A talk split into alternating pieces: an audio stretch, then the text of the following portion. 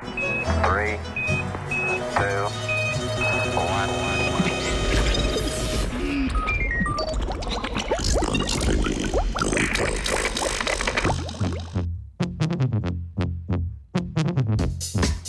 Pozdravljeni, skodelica kave za dobro jutro.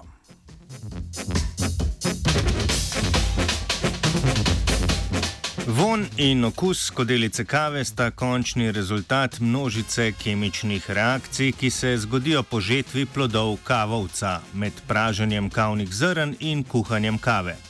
Mednarodna raziskovalna skupina v reviji Applied and Environmental Microbiology poroča o mikrobiološki in presnovni analizi mokrega postopka procesiranja kavnih zrn po žetvi.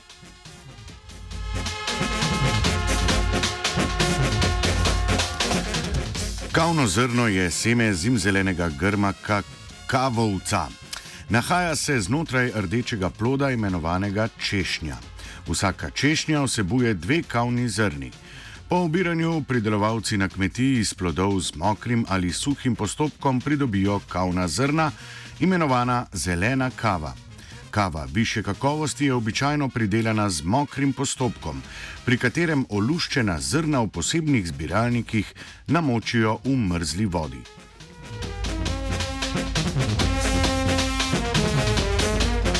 Med namakanjem zrn poteka fermentacija, presnovni proces, pri katerem se organske molekule kemično spremenijo zaradi delovanja encimov v mikroorganizmih.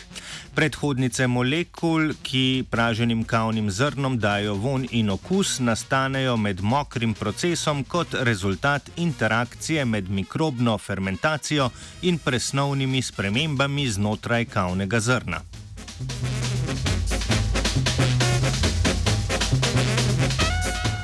Znanstvenice in znanstvenike je zanimal vpliv mikrobnih skupnosti na kemično sestavo zelenih kavnih zrn.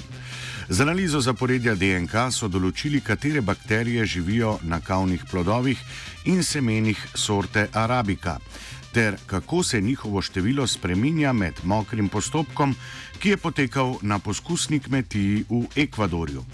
Z več analitskimi metodami so spremljali tudi nastajanje različnih spojin med fermentacijo in presnovo znotraj kavnih zrn.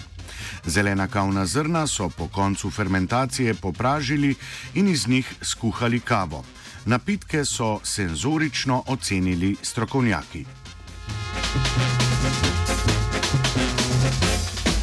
Ugotovili so, da so mikroorganizmi odgovorni za proces fermentacije, večinoma prav tisti mikroorganizmi, ki so jih našli na kavnih češnjah še pred žetvijo.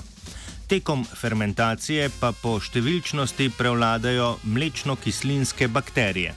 Opazili so, da je nastajanje hlapnih snovi, predvsem estrov in alkoholov, ki dajo kavi aromo in okus, povezano s številčnostjo mlečno-kislinskih bakterij.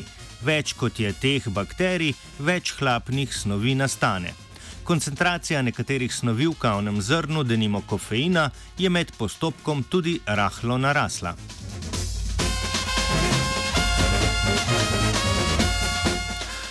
Na razvoj okusa kave pomembno vpliva tudi čas fermentacije. Pri kavi skuhanih zrn, pri katerih je fermentacija trajala dlje časa, so strokovnjaki prepoznali več okusov, ki so všeč potrošnikom. Raziskovalke in raziskovalci zato zaključujejo, da daljši čas fermentacije ob pravih pogojih ugodno vpliva na razvoj arome in okusov kave. Veliko predelovalcev danes pa nasprotno verjame, da mora fermentacija potekati le kratek čas.